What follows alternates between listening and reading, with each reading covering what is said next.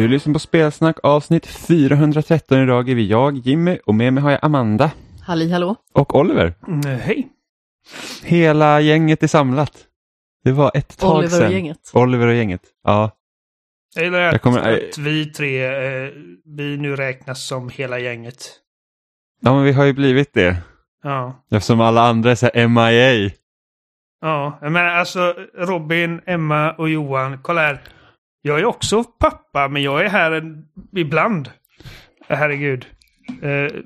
Bara gör lite, ja, lägg maken till. Manken till heter det va? Inte maken. Maken till. Maken. Ja, så kan man ju också säga. Lägg maken till. Ja, precis. Men nu, det här är första gången vi pratar efter jul. Egentligen, vi tre som brukar vara med. Ja, ja det är nog. Så har vi, så hur, hur spenderar så har, har, har liksom, lyckades man ta igen några spel som man har missat under julledigheten? Nej. Nej. Ingenting. Nej, för att vi fick för oss att spela Horizon. Ja just det, och det har vi ju pratat om. Precis. Vi spelade ju en hel del för att ha Platinum båda två. Jag gillar att jag var så det här är första gången vi pratar efter jul, att vi hade ett helt avsnitt där vi pratade om vad vi, vad vi hoppas på för 2022, som jag har typ helt raderat ut mitt minne. Så det stämmer inte. Jag börjar med att ljuga inför våra lyssnare, de bara vad, vad händer? Ja, men vi har ju inte pratat om sådant som vi har spelat. Nej det har vi inte. Är, är, det något, är det något roligt ni har spelat som liksom där att ah, det här planerar ni att spela under liksom, ledigt, förutom Horizon då som du och jag spelade? Oliver, spelar du, han, du, du har väl spelat en massa gamla spel i vanlig ordning. Vad har du, liksom, vad har Ja. du tagit ikapp på eller vad har du Eh. spelat igen? Menar, alltså, vi, vi pratade om det förra veckan, men vi, vi drog igenom hela Gears-serien. Eh, Ja, och eh, efter det, eh, jag vet inte hur jag kom in på det antar för att jag är, eh, jag är så här på Elden Ring pepptåget just nu, men jag började spela massa... Eh, jag började om på Sekiro bara för skojs skull, det var ingenting jag planerade. Nej, det började med att jag spelade Ninja-guiden. Haha. Eh, för att jag och Amanda pratade om det och jag bara, fan jag, jag blir också sugen på att spela Ninja Gaiden. Så jag drog igenom ettan och tvåan. Och då bara, åh Ninjas. Och så började jag spela Sekiro och jag tänkte att jag, jag planerar inte att spela igenom det. Men jag spelade faktiskt igenom det helt och hållet. Och eh, Klarar du Demon of Hatred igen? ja. Äh, fan. Fick du den att hoppa utanför kanten eller tog du den legit den här gången? eh, jag tog den legit, men det, det, det var... Det är lätt den svåraste bossen i spelet tycker jag.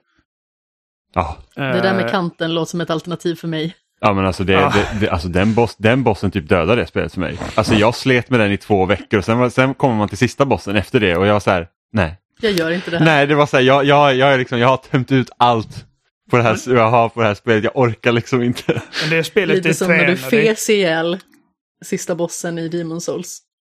Ja, men den kunde man ju Fes gasa ihjäl. Det var ju perfekt för mig. Ja, men Jimmy ställer sig med ett fismoln och gasar Ja, man, man hade så här, man kunde få ett giftvapen så man kunde skjuta giftpilar på bossen. Och sen stod Ja, man precis ja. nedanför trappan så då märker han inte det.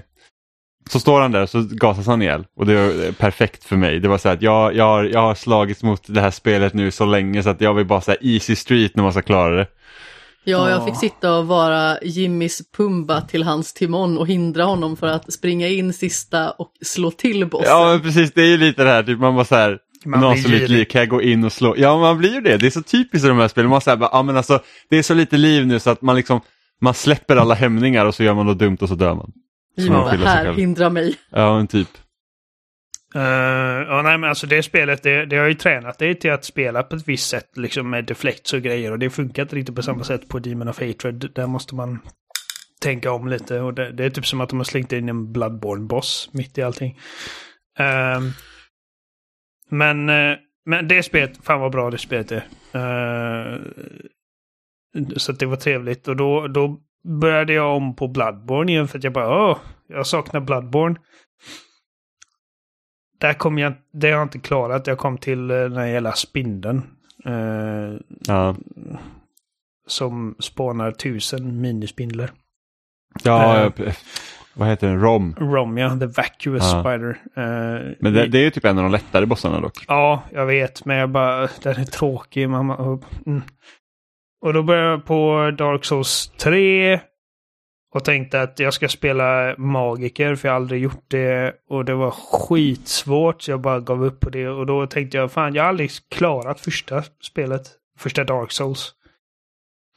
Så jag eh, hoppade in i det och liksom bara kände vad fan är jag? Vad håller jag på med? Det tog liksom två timmars research bara att liksom inse vart jag är på väg och vart, vad jag redan har gjort och vart, jag är, vart det är tänkt att jag ska nu. Och det spelet, fan vad jag är sur på det spelet. Det, det är så diffust och så random och det förklarar ingenting och det, det har liksom inte... Det är inte lika liksom ska man säga, vänligt strukturerat som uppföljarna är. Uh, man går vilse och man kan inte liksom warpa till alla bonfires utan det är en jävla massa springande. Och jag kom till ett ställe där jag menar, jag har ett fullt, fullt uppgraderad jävla eh, eh lie och jag gör typ två i skada på de här fienderna och jag liksom försöker lista ut vad det är som gör att det är så och jag liksom, jag ringer typ tre kompisar, eller dels min brorsa, men två andra också som, som jag vet är väldigt duktiga på de här spelen och ingen har någon aning om vad, vad det är jag gör för fel. Um, så jag struntar i istället och går till ett annat ställe och där är liksom massa spöken som man måste ha ett visst föremål för att kunna liksom skada dem på. Och det är mörkt som fan och man ser knappt någonting. Och sen för att komma till den bossen i, i slutet av en av de här liksom eh, ska man säga, inte, inte optional bosses utan det är liksom eh, de här bossarna man måste göra. Så ska man ner för, man ska hoppa ner i ett hål. Och jag liksom, ja. jag tittade på liksom, fan vad jag har fått googla för det här jävla spelet. Och, så jag sitter och kollar på videos, okej okay, jag ska springa åt det hållet och så ska jag hoppa ner det här hålet och då kommer man till bossen. Och jag hoppar ner och jag dör. Och jag bara, men vad fan? Alltså utan någon förvarning? Ja, nej men liksom det är som att okej, okay, detta är en bottomless pit liksom. Alltså vanlig bara typ, alltså man... Eh, det är som att hoppa ut för ett stup, du bara dör. Mm. Så jag springer den här sträckan typ fyra gånger och liksom, jag tänker, är, är det liksom... Det var tredje gången gilt den här ja, gången. Ja, men jag tänker, liksom, är det typ att jag måste försiktigt gå av från kanten? Är det liksom Eh, en, en avsats längre ner som jag måste sikta på bla bla. Och sen visar det sig att jag, jag googlar. Då måste man ha på sig en särskild ring för att överleva det fallet. Och det, hur fan får man reda på... Alltså, det spelet. Men jag antar att det kan vara en sån här grej när det spelet var nytt så har man inte riktigt spelat den typen av spel tidigare så det, liksom, det blir en det, det, blir liksom spännande att hitta alla de här lösningarna. Man bara, åh varför är det så? Och sen går man runt och liksom letar medan nu liksom det finns ett, ett, x antal titlar av den här typen och alla liksom har blivit kanske lite mer strömlinjeformade och man får lite mer hjälp. Vilket gör att när man går tillbaka till de gamla så kan det kännas ännu mer frustrerande. Det är typ som Minecraft i början när man liksom behövde hitta recepten själv. Och, och, och som vi har ju spelat bara på 360 och, och Xbox, vi har inte liksom rört det på PC egentligen och där har du ju receptboken så att allt löser sig själv. Medan i början på PC det var det så att då behövde du sätta liksom material i rätt hål för att det liksom skulle bli rätt grej. Så det är typ så ja, men du har typ tre plankor längst upp och sen i mitten kanske har, har en, en bit kol och sen längst ner har du något annat för att det ska bli det du vill ha. Mm. Nej, alltså, eh, och jag förstår, men jag, jag känner att alltså men Bloodborne och Dark Souls har ju också lite av de där att alltså de, de håller det inte i handen. Och där finns det liksom random grejer. Um, som spelet inte riktigt säger till dig vad du ska göra, men alltså... Uh... Men det låter inte lika jobbigt. Oliver kör så här, vem vill bli miljonären-varianten av Dark Souls. Vem vill bli mörk själ?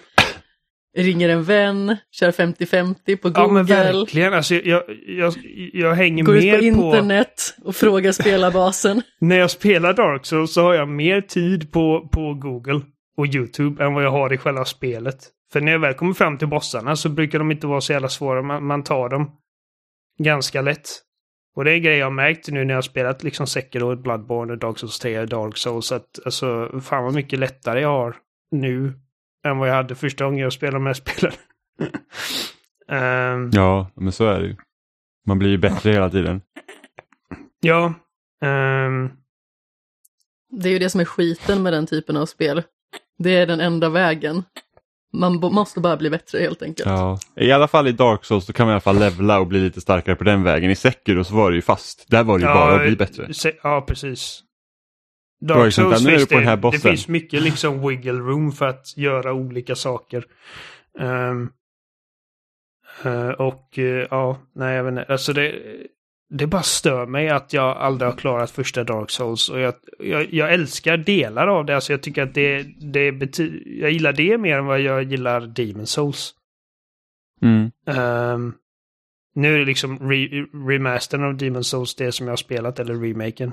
Eh, och eh, jag menar, det gör mycket liksom att det är typ, det känns ju smidigare, det, det du har liksom en del quality of life-grejer, men, men, men just jag tror att det, jag gillar bara en av världarna i hela Demon Souls, de andra är bara frustrerande skit.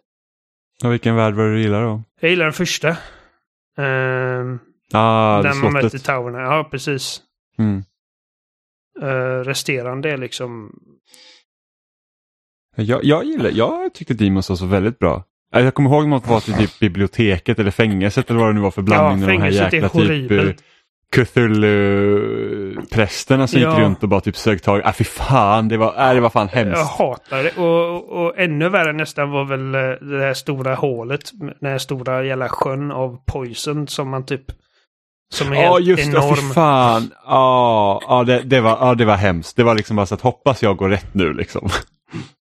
Ja, I och för sig, Var det jag, inte jag, det där du var så extremt missnöjd också? Nej, det var, det var den regniga borgen jag var så missnöjd på när jag kom till bossen och precis framför bossen står en annan spelare och har ihjäl mig så att jag eh, hamnade i dark world, world state och eh, blev back på typ 10 timmar innan jag kunde komma vidare för att jag var så dålig. ja, den regniga borgen tycker jag i och för sig, den, den gillar jag också. Eh, De jävla äckliga rullande skeletten. Ja, ja, alltså jag blev ganska bra på att hantera dem till slut för att jag kunde parera dem ganska lätt. Men Um, alltså, alltså jag gillar Dark Souls 1 mer än vad jag gillar Demon Souls på det stora hela. Alltså jag gillar liksom uh, banorna bättre i Dark Souls 1. De, visst, de har Blighttown och de har uh, Tomb of Giants som den heter, där det är helt kolsvart och du inte ser mer än en meter framför dig, vilket är bullshit för att det är en massa jävla liksom stup och skit som du, man bara trillar av helt plötsligt och dör. Eh, så att jag vill verkligen klara det. Eh, men alltså, fan. Jävlar, det, alltså det spelet utmanar verkligen mitt tålamod på ett sätt som Dark Souls 3 och Bloodborne och Sekiro inte gör. Ja. Men gud, jag, jag, är, jag är skitpepp på Elden Ring nu. Alltså jag, och samtidigt lite nervös för jag vet inte riktigt. Eh, blir, blir lite nervös varje gång någon snackar om open worlds och grejer. Jag, Ja, men det, lå det låter lite mer som att det är mer åt Breath of the Wild hållet. Liksom att, att ja, men du kan liksom springa hit på en gång och så kan du klara det. Än att det är typ Ja. Assassin's Creed. Ja, precis. Jag, jag är inte rädd för att det ska bli en Ubisoft-doftande grej, utan jag är med för att, för att jag älskar bandesignen i de här spelen. Um, det är liksom att du har liksom en, en bana och sen så hittar du en genväg som sen underlättar för dig. Eh, Ja. och liksom att eh, du typ, eh, de liksom vänd, vänder in på sig själva. Alltså det, ja, vi får se. Ja, ja men precis. Eh, jag och Amanda har ju också spelat lite äldre spel. Inte, inte lika svåra spel som du har då, då Oliver, men vi har ju fortsatt på Pokémon Brilliant Diamond och Shining Pearl. Eh, under senaste veckan i alla fall. För att vi blev inte klara med det i höstas. Direkt. Ja, höstas och höstas, det släpptes väl i vintras. Det släpptes väl i slutet av oktober, början av november va? Var det så pass? Ja. Det känns som att det släpptes mycket närmare i tiden. Nej, det har gått så lång tid. Jag tror det var november det släpptes. För att Advance Wars skulle komma i december egentligen. Så hur har det gått? Jo, men det har väl gått bättre. I och med att vi faktiskt har kommit framåt. Ja, det har vi. Jag, är, jag har bara ett gym kvar innan Elit 4. Ja, men Pokémon hamnar ju lite i kläm där i och med att helt plötsligt så kom vi på att det finns massa spel som vi vill försöka hinna spela. Och sen så hann vi inte med alla de spel som vi försökte att hinna spela i alla fall. Men eh, jag är ju på sjätte gymmet Mm. och du var på sista. Ja, ja, precis. Jag, jag har gjort lite med Team Galactic-grejen emellan här nu men sen så är det väl pinna till sista gymmet och sen komma till 4. är väl tanken. Ja men alltså det är ju väldigt mycket samma melodi en gång till. Det är ju väldigt lite nyskapande i spelen. Och visst, det har sin charm och på många sätt så är det ju väldigt roligt att bara slåss. Det är ju vad jag tycker är själva behållningen oftast i Pokémon-spelen. Att liksom gå runt och se sina karaktärer utvecklas, få nya förmågor och sådär. Men eh, jag ska ju inte ljuga. Det är ju fortfarande lika irriterande när man möter en fiskare och den har typ sju stycken, höll jag på att säga, Goldin. Då kan man inte ha sju. Ja, nej men precis. Det, det, är liksom, det är det jag tycker är lite konstigt med det här spelet. Det är så att skillnaden i, i de här remakesen till exempel mot originalet är att du har en XP-share nu. Så att du får ju liksom alla dina Pokémon får ju, som du har på liksom i partyt får ju XP varje gång du slåss. Eh, vilket gör att helt plötsligt är man liksom mycket högre level eh, än, än vad man liksom var i originalet. Och, och de har ju ingen level scaling på tränare du möter heller så att jag är typ konstant så här 10-15 levlar över de jag ska möta. Vilket gör att allt är väldigt lätt. Och sen så har du då den här fiskaren som antingen har sex Goldins eller sex Magikarps och det enda den gör är typ splash. Och man bara, ja men det här var ju svårt. Och då är den inte tillräckligt hög level heller för att man ska få tillräckligt mycket XP så att det liksom blir lite segt.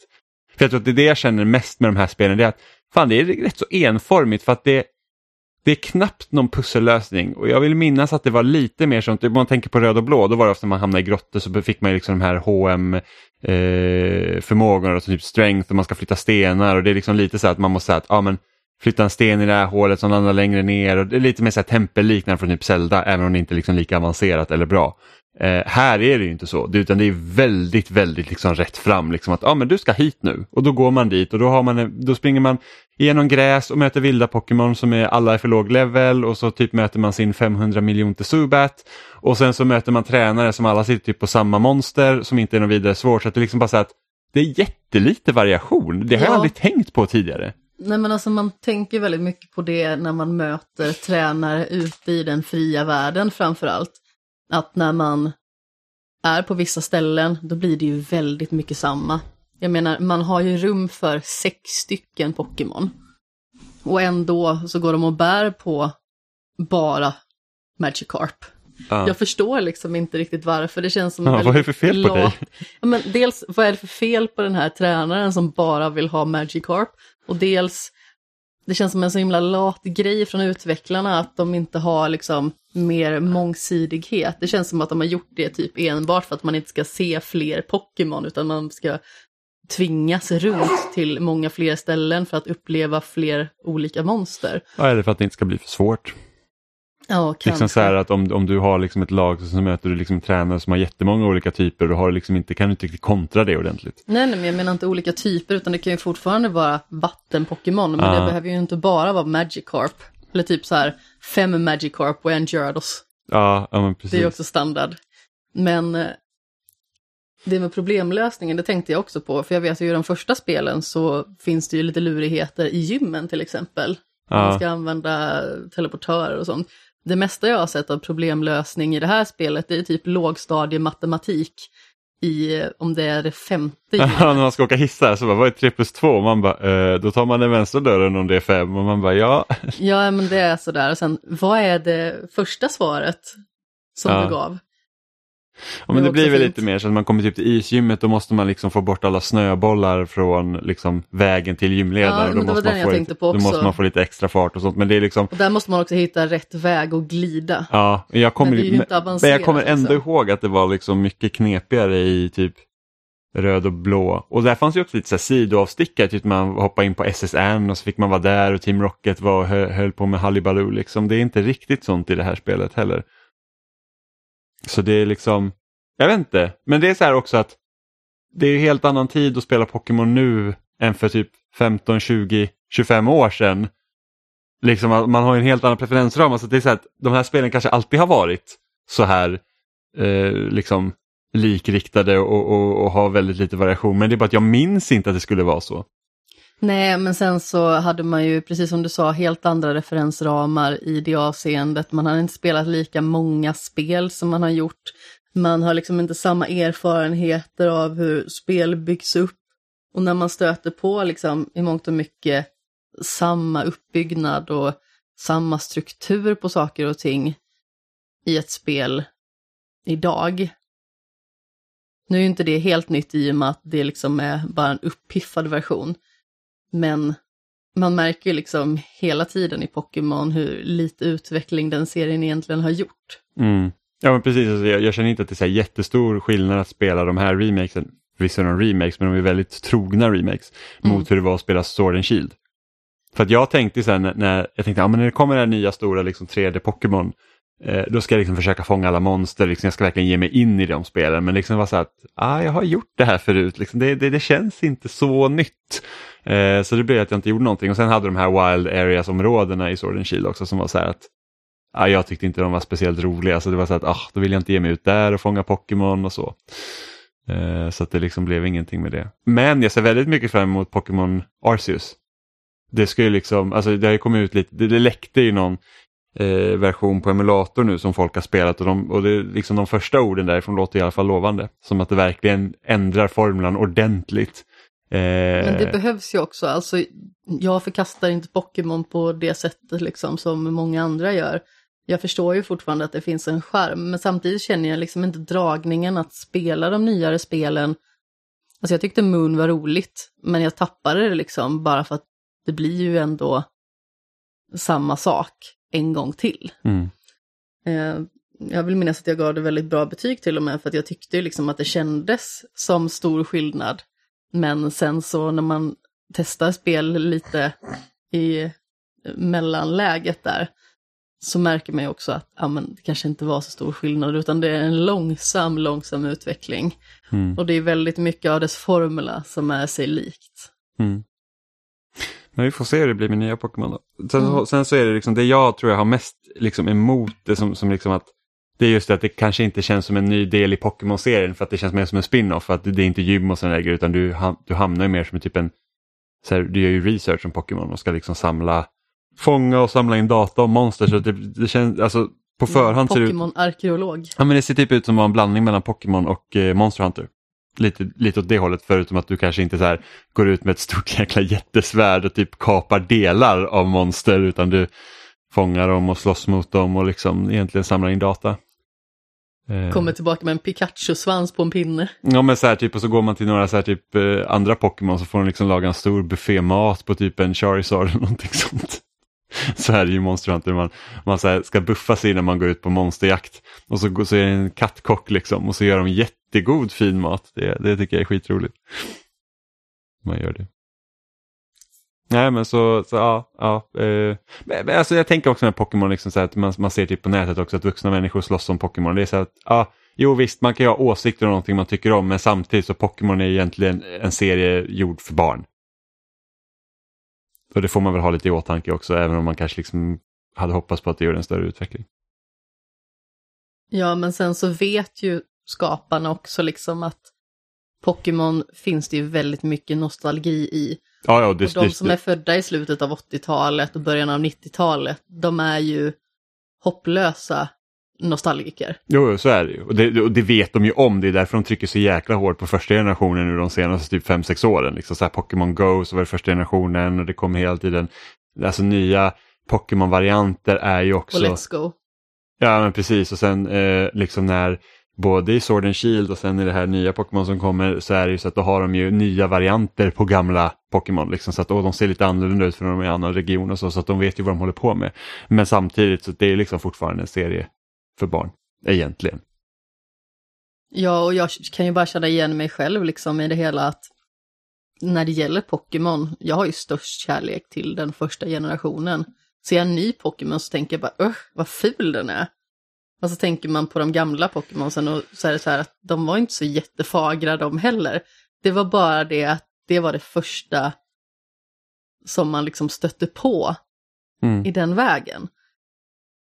Så man accepterade dem. Även att liksom, ja men det här är egentligen bara en vanlig fågel. Ja, ja men precis, fast det, det är egentligen det jag tycker är ganska charmigt med den första generationen, det är just det att de, de är inte så spacade. Utan att de är ju väldigt, liksom, ja men här har en häst och den har liksom brinnande man. Det är liksom det enda som är speciellt med den och jag tror att det, det är också det som gör det lite mer speciellt. För att det är så att, typ jag har ju en elhund nu i, i, i Pokémon Diamond. Och det är så att, och jag tycker den ser rätt häftig ut, den heter Luxray tror jag. Och jag tycker den ser häftig ut och sen öronen är bara så här typ två stora runda ringar. Och det är bara så här, de är fula. Det är liksom så här, så här skulle ingen Pokémon ha sett ut liksom, i de första generationerna. För att det, så att det, det är liksom så här att ja, ett simpelt kan också vara bra. Ja, ja, men absolut. Men jag tror att man liksom accepterar det första intrycket mer. Och att man liksom tycker att de nya Pokémonsen är fula. Bara för att man har liksom inte riktigt vant sig in med dem så himla mycket som man har gjort med första generationen. Eller så är det för mig i alla fall.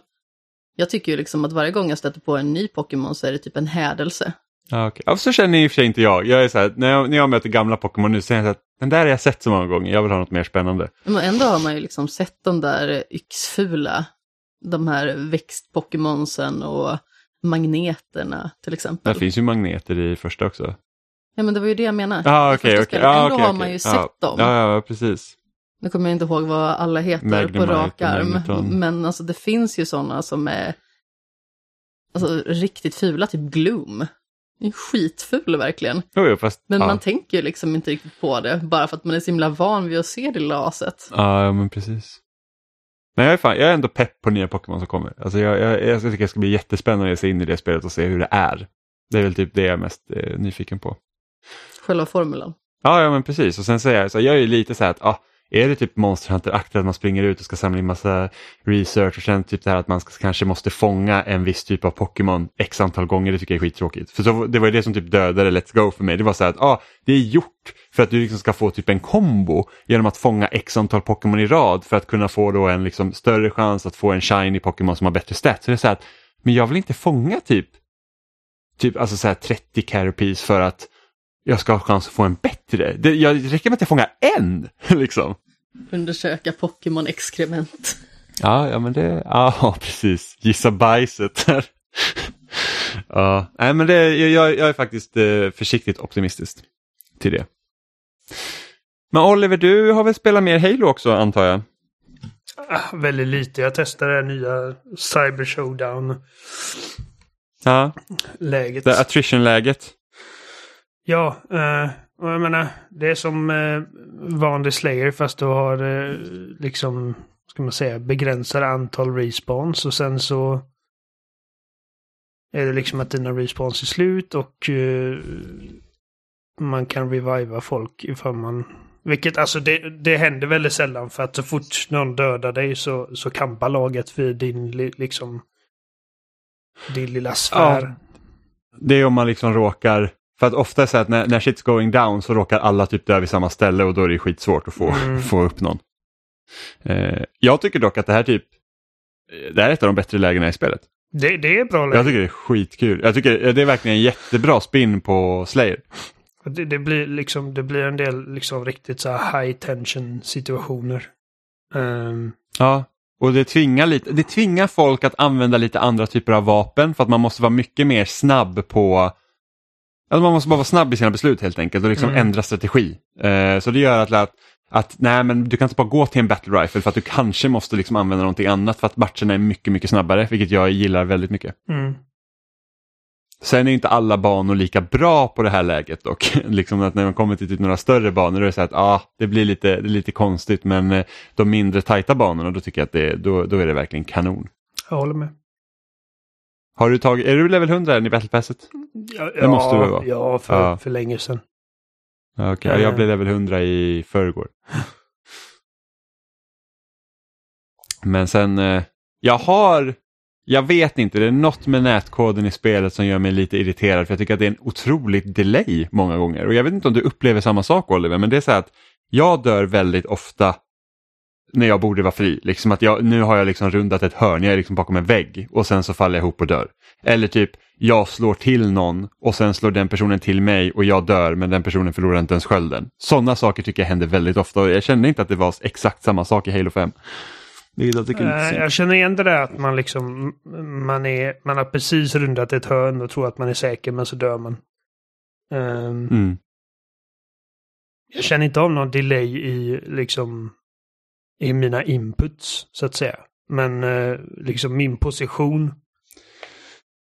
eh, eller liksom min position från andra spelares synvinkel kan vara lite, ja. Jag vet inte. Jag, alltså jag har inte spelat mycket Halo det senaste. Jag, jag, jag har helt varit inne i, som sagt, Gears och från Software-spel. Testade ni några multiplayer gears när ni spelade? Jag hoppar in Eller har ni bara i... kört kampanjerna? Vi, alltså, vi, vi tillsammans har ju bara kört kampanjen. Jag hoppade in i Gears 3 online. Ja. det var typ 100 spelare online. Uh, worldwide. Oj, bara äckel. Alla är, ja precis. Eh, Ja. Alltså man blir typ sönder wallbouncad direkt.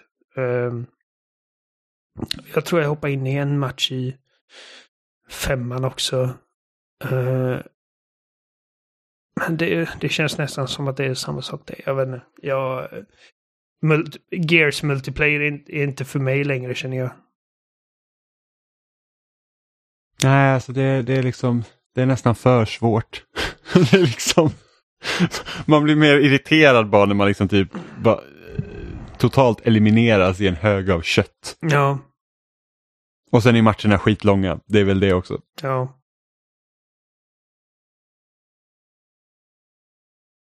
Okej, vet alltså inte, det- ska, vi- ska vi ska jag se, ta tag i elefanten i rummet nu eller? Ja, vi har väl, Amanda hade väl spelat något annat spel också. Innan vi hoppar in på Activision. Ah. Du har väl också spelat spel Jimmy? Ja, men vad hade du spelat? Eh, håll i hatten nu. Jag har spelat ett spel som heter Reverie Knights Tactics. Aha. Va- Kan, kan man låta sig gissa att det här är ett strategispel? Men hur kunde du gissa det Jimmy?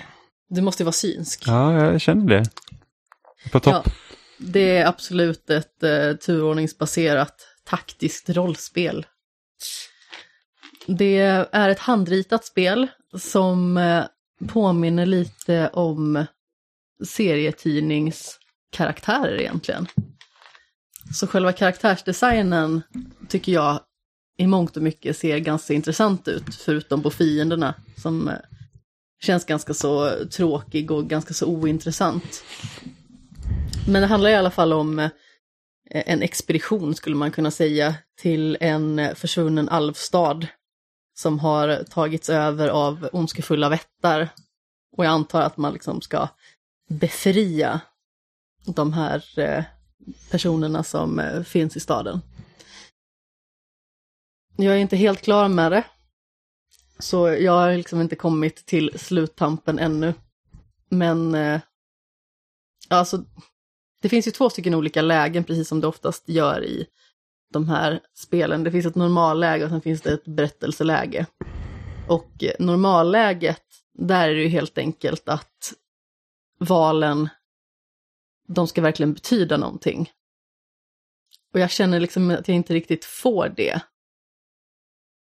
Man får ju liksom en indikator på att valen gör någon skillnad eller eh, att händelseförloppet eh, då ska bli annorlunda, men jag tycker inte riktigt man känner av det än i alla fall, så långt som jag har kommit. Men du får inte så här typ att när du olika val, du, liksom, det händer inte att du förlorar någon karaktär om du väljer fel eller det liksom händer saker för gruppen som gör att du får typ, eh, ja men kanske svårare i nästa strid eller något sånt.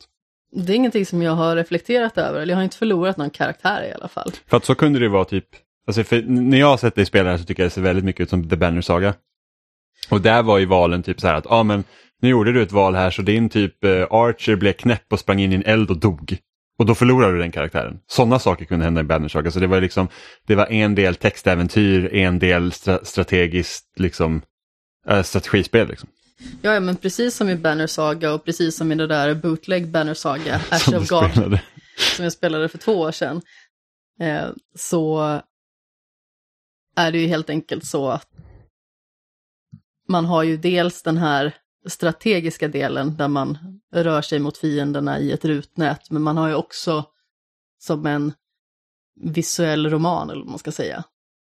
Mm. Att man följer karaktärerna, man ser dem utvecklas, man ser deras dialog och så vidare. Men, ja men precis som i Ash of God så känner jag liksom att jag får inte riktigt grepp om karaktärerna på det sättet. Jag känner mig liksom inte investerad i deras berättelse och det är lite synd ändå.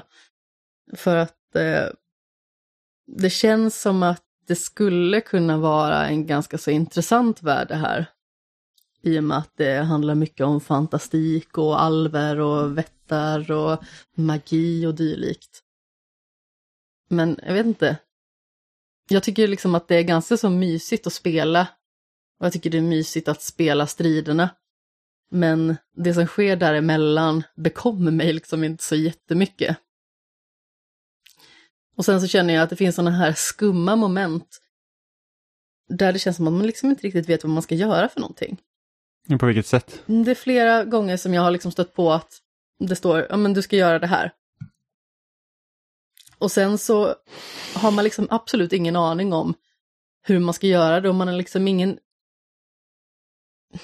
vad ska man säga, man har ingen fingervisning till vad det är man ska göra heller. Nähä. För det finns liksom ingen dagbok man kan gå in och kolla i eller dylikt utan det står bara men gör det här. Och sen så kanske det finns ett tillvägagångssätt som är ganska så hemligt. Mhm. Och det tycker jag absolut, det kan ju funka i vissa avseenden om det är hyfsat uppenbart vad man ska göra. Men jag har ju suttit fast på flera ställen för att jag liksom har gått runt och försökt att få reda på vad det är jag liksom ska göra. Och då måste man liksom prata med alla Ja, okej. för så... att få reda på vad det är. Liksom. Ja, okej, så då kanske du har liksom en prompt, så här typ, ja men gör det här och sen så måste du liksom prata bara så någon nämner eller säger åt dig vad du ska göra då eller? Och då kommer du vidare, eller hur, hur löser du det? Ja, eller att det kanske är någon person som ska göra någonting åt den. Ja, okej. Så kan det också vara. Så det gäller bara att prata med alla hela tiden då? Ja, och sen så känns det som att man kommer ganska så långt, ganska så tidigt. Men sen så skickas man tillbaka och harvar runt liksom på samma ställe väldigt lång tid också. Så jag vet inte, det känns inte riktigt som att man får den här progressionen som man ofta eftersöker, att man känner att man har gjort en resa, utan det känns liksom väldigt mycket som att man så här, skuttar lite fram och tillbaka hela tiden. Mm. Det känns, alltså, delarna sitter inte riktigt bra ihop då? Nej, och på något vis så känns det ju som att striderna kanske inte riktigt alltid betyder så himla mycket. Alltså det gör de kanske inte i alla spel heller. Jag menar, hur många så här dussinfiender har man slått ihjäl genom åren i diverse spel? Men samtidigt känns det som att det finns väldigt många sådana strider där man bara möter lite slumpmässiga monster. Alltså de är inte slumpmässiga förmodligen, men det är lite så det känns. Och det är flera av samma och det känns liksom som att det bara är kanonmat och utfyllnad. Mm. Ja, det är lite tråkigt. Ja, men sen så karaktärerna är ju ganska så färgglada egentligen. Och man har ju framförallt väldigt tidigt en, en trio som man får lära känna då i form av eh, huvudkaraktären Aurora. Som eh, påminner lite om en svarthårig eh, Velma Dinkley på något vis. Så glasögon, ser ganska nördig ut, magiker. Eh, ganska så häftig men pålitlig karaktär, känns det som. Och det är liksom hon som styr berättelsen framåt och som man är, kanske, skulle Mm. man kunna säga, henne.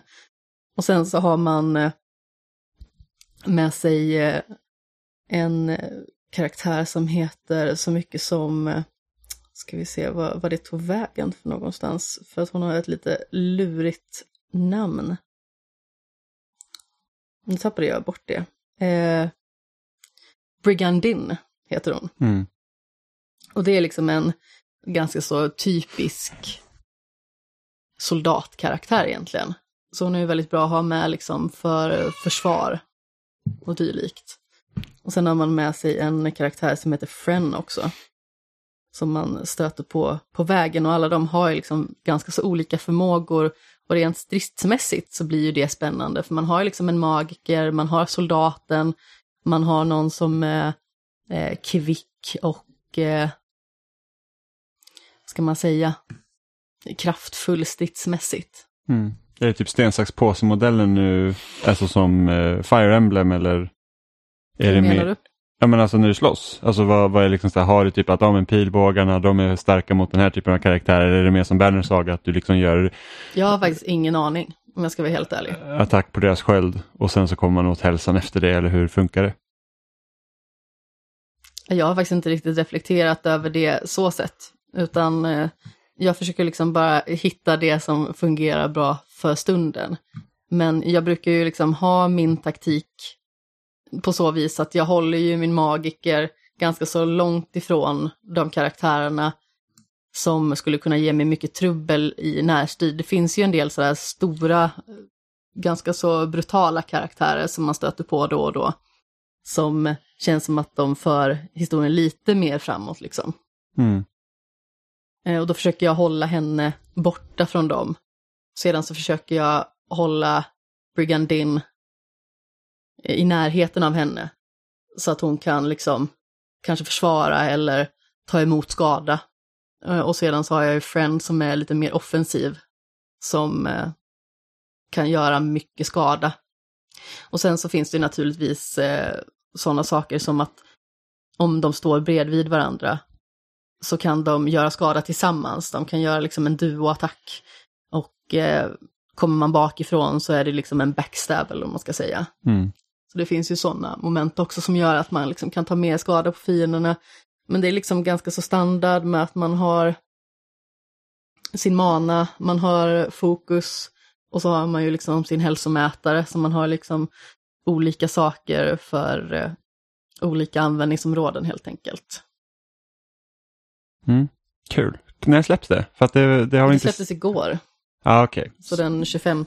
Ja ja, men om man är sugen på lite strategispel då så. Ja men alltså som sagt, att spela själva striderna i sig är inte så dumt. Jag tycker att det är väldigt mysigt och ganska så puttrigt och sådär. Det var samma sak i Ash of God så att det var inte det att det var tråkigt att spela på något vis. Det bara liksom känns som att världen har mer potential än vad den visar. Och jag blir liksom inte riktigt så investerad i vad det är som händer. Mm. Ja, men då, då tänker jag så här, då tänker jag en fuling och slå ett slag för The Bender Saga. Ja, ja, Där har man absolut. tre spel där både engagerande berättelse, eh, valen du gör genom alla spelen följer efter, så det är liksom Mass Effect-modellen, så att det du gör i ettan påverkar tvåan som påverkar trean. Ja, men sen naturligtvis, sånt är ju otroligt subjektivt också. Det kanske är vissa som tycker att berättelsen här är jättespännande. Men... Eh,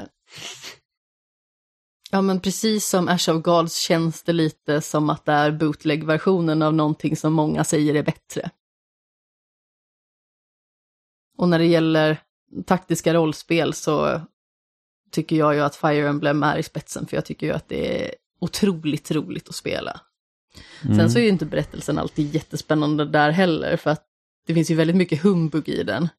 Det är ju inte förrän Three Houses som man verkligen kände att man brydde sig om allting som hände i spelet. Ja, jag, jag tycker att typ berättelsen är typ det svagaste med Three Houses. Vet inte, jag gillade den, men jag gillade ju liksom själva modellen där att man är en lärare, att man liksom har hand om typ sitt eget elevhem i mångt och mycket som i Harry Potter liksom. Ja, jag, jag, men jag tror att det blir, för mig där så blir det för mycket, det blir så här, Three Houses var typ Persona Light. Ja, okej. Eftersom då, det känns som att Three Houses lånar väldigt mycket från Persona och gör det inte alls på samma sätt. Och sen har jag ju inte spelat det, så jag kan Nej. ju liksom inte uttala mig. Men- Men, jag har jag- spelat typ fem timmar Persona 5 efter det. Ja, men jag vet både så här Path of Radiance och Radiant Dawn och Awakening var ju betydligt mer engagerade i berättelsen än vad jag var i Three Så Houses. Awakening tycker jag också berättelsen var bra i. Eller så jag tycker inte att berättelsen på något vis är skitdålig och stendum i något av spelen. Det är bara det att jag kände verkligen att Three Houses har varit eh, eh, toppen efter att eh, det släpptes. Toppen av alla Fire Emblem-spel just för att jag tyckte att allting klaffade så himla väl. Mm. Men som sagt, vill man spela lite taktiskt rollspel, det känns ju liksom inte som att marknaden bjuder på så jättemycket sådana. Så absolut, testa Reverie Nights Tactics. Mm. Ja, men det känns som att det kom från ingenstans heller. Jag har liksom aldrig hört talas om spelet innan. Nej, inte jag heller. Eh, Det var bara det att jag läste Tactics när vi fick en sån här intressekoll. ja. Så tänkte jag bara, Jaha, men det kan vara någonting för mig. Ja. Men jag har också spelat ett spel som har gått under radarn faktiskt, så att, eh, som är egentligen en ganska trevlig överraskning. Och jag, har inte, jag har inte spelat det mycket så jag ska inte vara så långrandig om det, men det är Drinkbox Studios nästa spel. Och för de som liksom känner igen namnet Drinkbox, det är de som har gjort Guacamelee-spelen. Otroligt roligt eh, Och jag spelar deras nya spel som finns på Game Pass som heter Nobody Saves the World, som är blandning av ett eh, RPG och typ eh, roguelite. Eh, och då väldigt light på Rogue, om man kan säga så. Eh, där man egentligen, alltså det, du, du, spelar liksom, det ser på förhand det liksom ser ut mer som ett Zelda-RPG egentligen. Så att du liksom spelar som en karaktär så går du runt i en overworld och så hittar du liksom olika dungeons. Men det är liksom inte pussellösning som står i fokus utan det är striderna helt enkelt. Och där de här dungeons som då är roguelite elementen så dör du där inne så får du liksom börja om på den grottan och då kommer grottan liksom ha typ slumpat om så att rummen ser olika ut även om liksom målet är densamma att ta liksom bossen i den grottan. Lite som Boyfriend Dungeon. Ja, mycket möjligt. Jag minns inte så mycket av Boyfriend Dungeon när du spelade. Eh, men det är i alla fall så att du har, du har liksom kartan och så hittar du liksom Kruxet med det här spelet är det att du kan byta skepnader. Eh, så att du liksom spelar som då Nobody som är egentligen bara en, så här, egentligen en helt vanlig avatar. Liksom du, du är liksom en vit eh, och ögonlös karaktär egentligen för att du ska kunna byta former och sen så när du levlar och tar på dig olika quests så får så du... lite som att man har smält en skogsande ja, ja, från eh, prinsessan Mononoke. Ja men precis, så får du liksom nya former så att första formen låser upp en råtta och sen kan det vara liksom en riddare, en häst, snigel, pilbågs, eh, snubbe. Så att det liksom finns massa olika former och varje, varje form du kan byta till har liksom då egna quests som gör att du liksom så här att ju mer du använder den här så levlar du upp, låser upp nya förmågor så du kan låsa upp nya former. Så att det är liksom, hela loopen handlar om egentligen att låsa upp nya former, nya förmågor, göra, eh, samla XP så att du liksom blir ännu starkare. Och jag har väl precis kommit till den eh, nivån så att jag liksom kan börja, börja blanda de här olika förmågorna. Så att till exempel råttan som gör, egentligen förgiftar folk genom att man tuggar på dem. Nu kan jag liksom sätta in dens förmågor på en annan form.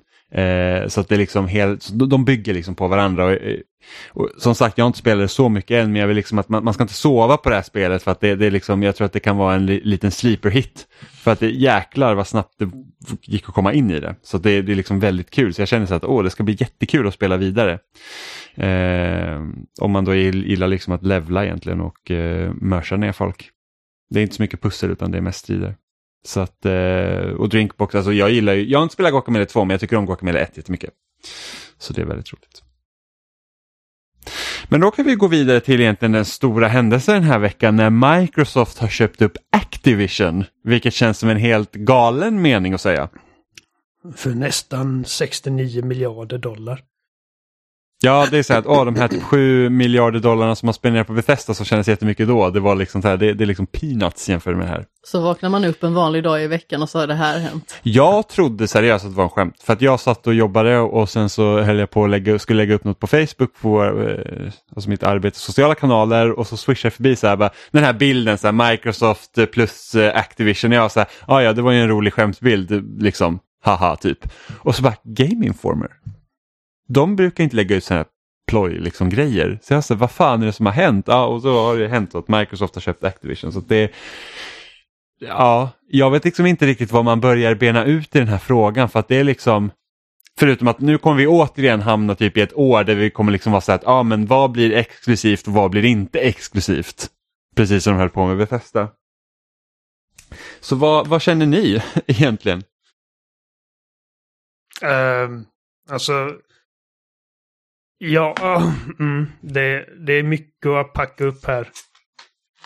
Känner jag. Alltså, och jag är väldigt kluven till uppköpet. Alltså dels så, bara som, som Xbox-spelare så är inte detta ens hälften lika liksom spännande av ett uppköp som Bethesda. För att Bethesda kommer med massa bra spelserier och studios. Eh, Medan Activision är liksom Activision känns väldigt oheta just nu, åtminstone för mig. Men det, men det beror också på att jag inte är ett Blizzard-fan. Det enda jag är intresserad av är Overwatch i princip. Jag bryr mig inte om Starcraft, Warcraft eller, eller de där grejerna. eh, Diablo. Ja, sen precis som med, precis som med Bethesda så är det ju också så att om man spelar majoriteten av sina spel på Xbox så gör det ingen skillnad för du förlorar inga spel. Liksom, du, du kan ju fortfarande spela alla Activision-spel oavsett. Du hade Mm. fått de här spelen ändå. Eh, jag menar alltså Call of Duty är jättestort på Playstation. Alltså det, det är ju stort överlag men det, liksom, det finns ju miljoner Call of Duty-spelare på Playstation så att jag, jag, jag förstår liksom de sura miner som man ser online.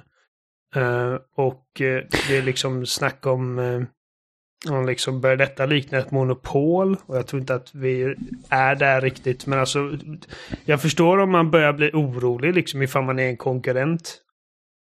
Och Microsoft bara liksom Ja. köper upp varenda jävla... Så vad, vad, vad kommer härnäst liksom? Microsoft köper Sony.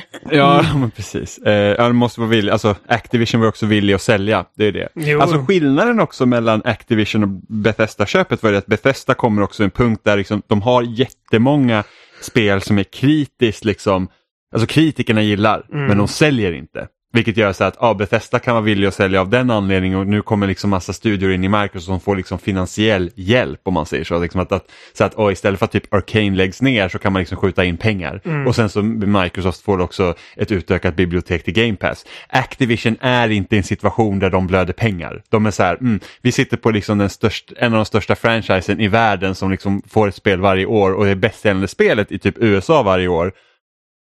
Det är liksom den stora skillnaden. Så att det blir Det exakt, ja, första jag tänkte på var liksom, okej. Ursäkta. Är detta... Alltså allas ögon är ju på Microsoft nu att hur kommer de liksom gå in där? Kommer de, kommer de göra sig av med alla rötägg som sitter i den organisationen? Med tanke på liksom alla rapporter om de Ja, alltså det- det fruktansvärda känns som att- jävla... he, hela den styrelsen liksom bara så här, bort. Ja, men jag, Eh, jag och- känner lite så också. Och det är ju liksom, och det vad, verkar ju vara den anledningen till att de säljer. Alltså att, för Bobby Kotick är väl den, har väl haft majoritetsägandet i, i studion, så att jag, eller liksom hela Activision, så att jag antar liksom att hmm, hur ska, hur ska man komma ifrån den här skiten liksom så skadefri som möjligt? För att det kom ju också rapporter om att han hade försökt sälja det till Facebook. Så att jag, jag tror att hade inte de här skandalerna liksom nystats upp under det senaste året så tror jag inte att Activision hade sålt. Förmodligen. Nej, men det känns nästan som en maskering också. Liksom att ja, nu har all den här hemska skiten hänt på ett och samma ställe. Och nu kommer nyheten att Microsoft köper upp. Det känns nästan som att det överskiner det faktum att det har varit så himla rutten kultur på företaget under väldigt lång tid. Ja, och sen så kommer det vara massa ögon på Microsoft nu att de liksom får ju liksom, då ska de rodda i det här och liksom styra upp det. För att det måste det göras. Liksom. Ja, men de kan ju absolut inte låta det fortgå. Nej, nej. Och det är liksom, jag tror omstruktureringar kommer ske eh, överallt liksom i den organisationen. Vilket också kommer bli, alltså det tänkte jag kommer bli väldigt spännande. Kommer en serie som Call of Duty släppas varje år nu när hela ledningen egentligen byts ut? För att det liksom, så som Activision har skött sin business tidigare var ju det att om inte de typ har en franchise som kan släppas årligen så är de inte intresserade av att hålla i det i princip. Och det ser man ju också att det varit jättestor press på Blizzard att också börja liksom här att ja, men ni kan inte släppa ett spel var åttonde år. Liksom. Att det, liksom, det måste pumpas ut mera. Och det, det är liksom också en stor anledning till att folk har lämnat. Och nu när liksom äntligen byter ut det till Microsoft så att måste det komma ut ett Call of Duty varje år? Vad händer med alla studier som har arbetat med Call of Duty de här senaste åren? Liksom att vi ser typ om en Raven Software som blev en, liksom en supportstudio i Call of Duty. Jag tror att även de här eh, som har släppt Spyro och Tony Hawk blev väl också en supportstudio till Call of Duty helt plötsligt. Mm. Eh, vad händer med dem? Vad händer med gamla Activision-serier som vi inte har sett spel på jättelänge? Så att det är liksom så att, för det verkar som att Microsoft letar ju efter att göra Game Pass så attraktivt som möjligt. Det betyder att man behöver också ha ett flertal, ett antal titlar. Ja, och variation. Det går Ja. ju liksom Nej, inte att ha bara Call of Duty. Så vad händer med det liksom? Jag känner att under Microsoft så har Activision, alltså jag menar, Microsoft har råd att inte behöva släppa ett Call of Duty varje år. Frågan är liksom, kommer de eh, strukturera om så att liksom Call of Duty kan få lite andrum och alla studios som arbetar på Call of Duty, liksom alltså sett så, eh, Sledgehammer och Raven på sina egna projekt. Alltså de har ju massa talang när de, när de köper upp Activision. Eh, bara liksom röra om i grytan lite. Alltså, Microsoft är ju inte helt hängande på, på Call of Duty för att tjäna pengar varje år. Medan Nej, men, och Activision speciellt var det. inte när Warzone, alltså speciellt när Warzone finns. Mm. Alltså Warzone kan ju vara liksom Call of Duty-plattformen liksom som är pågående medans nästa Call of Duty utvecklas och kommer kanske, jag vet inte, var tredje, var fjärde, var femte år till och med. Mm. Det Och- känner jag väl är liksom mest spännande, liksom att hela liksom deras affärsmodell kan liksom bara struktureras om. Och liksom så att helt plötsligt kan vi få alltså, mer spännande spel i så fall. Och Warzone kommer inte tas bort från Playstation. Eh, Nej, nej jag, jag antar att det kommer vara precis som med Bethesda, att alla spel som har sett på Playstation just nu kommer finnas kvar där och kommer fortfarande värnas om. ja, precis. Uh, så nu är frågan liksom nästa Call of Duty, kommer det vara eh, Xbox och PC exklusivt? Ehm, Jag tror att vi kan anta det. ja, men, ja, men det, det är ju min magkänsla också, men eh, sen har ju Phil Spencer sagt ett par diffusa grejer om det där, liksom att han inte vill ehm, att han vet att Nej, men det sa, de, det, sa, det sa de med Bethesda också. Jo, ja. Och det är för det är liksom det är anledningen till att det inte är liksom, man kan, för ett, de kan inte säga någonting för att det här köpet har inte gått igenom än, precis som med Bethesda. Två, det är liksom, ja, det, det liksom blir så att in, ingenting kan bestämmas förrän köpet är gjort. Så då kan man inte säga så mycket heller, men jag, jag skulle bara liksom att, jag, jag kan bara anta att liksom, från att när alla liksom så här eh, kontrakt och liksom grejer de måste göra mellan alla olika plattformar är gjorda. Sen skulle jag nog kunna säga liksom att ganska säkert att alla spel som släpps under Activision-brandet eller liksom alla IPn som kommer därifrån kommer vara exklusivt på Xbox och PC då, eller ja, till Microsofts tjänster. Så att jag skulle gissa på att när, säg, säg att Sony har någon deal med, med Activision så att ja men typ de tre nästa Call of Duty så måste vi få de här, de här grejerna, kommer komma till Playstation så ja så kommer de vara där och efter det så är det liksom så att nej, det kommer inte komma till Playstation. Men alla pågående grejer som typ Warzone är liksom ingenting som, det kommer liksom inte komma till Warzone 2. det känns ju som att det har liksom blivit den här Battle Royale-plattformen för Call of Duty och den Mm. kommer liksom fortsätta leva vidare och, den, och det är så de också kan få, fortfarande få liksom då inkomster från eh, liksom de som spelar på Playstation liksom framöver också till Call of Duty-varumärket, det är via Warzone. Och så kan man säga så att, ja men, säg att Infinity Ward har ett Call of Duty under utveckling och så kommer den kampanjen ut men Warzone fortsätter att utvecklas på sidan om och det är den plattformen som kommer finnas på Playstation. Det är vad jag tror. Men sen vet man ju inte, Call of Duty kanske är en sån här stor grej som att, ja men, det är så stort så att det kommer få finnas kvar här så att varje nytt Call of Duty kommer också komma på Playstation. Det är ju en möjlighet men jag skulle inte räkna med det. Precis som att Skyrim har ju sålts liksom hur mycket som helst på alla plattformar. Och jag skulle gissa på att nästa Elder Scrolls kommer vara exklusivt till PC och Ja. Xbox. Absolut. Eh, Utan tvekan. Nej, Alltså jag, jag blandade känslor för detta för att jag... Jag hade, jag hade älskat att vara en fluga på väggen hos Sony när de får reda på detta och liksom vad... Så här, liksom ledningen sitter där i typ ett möte och bara Jaha.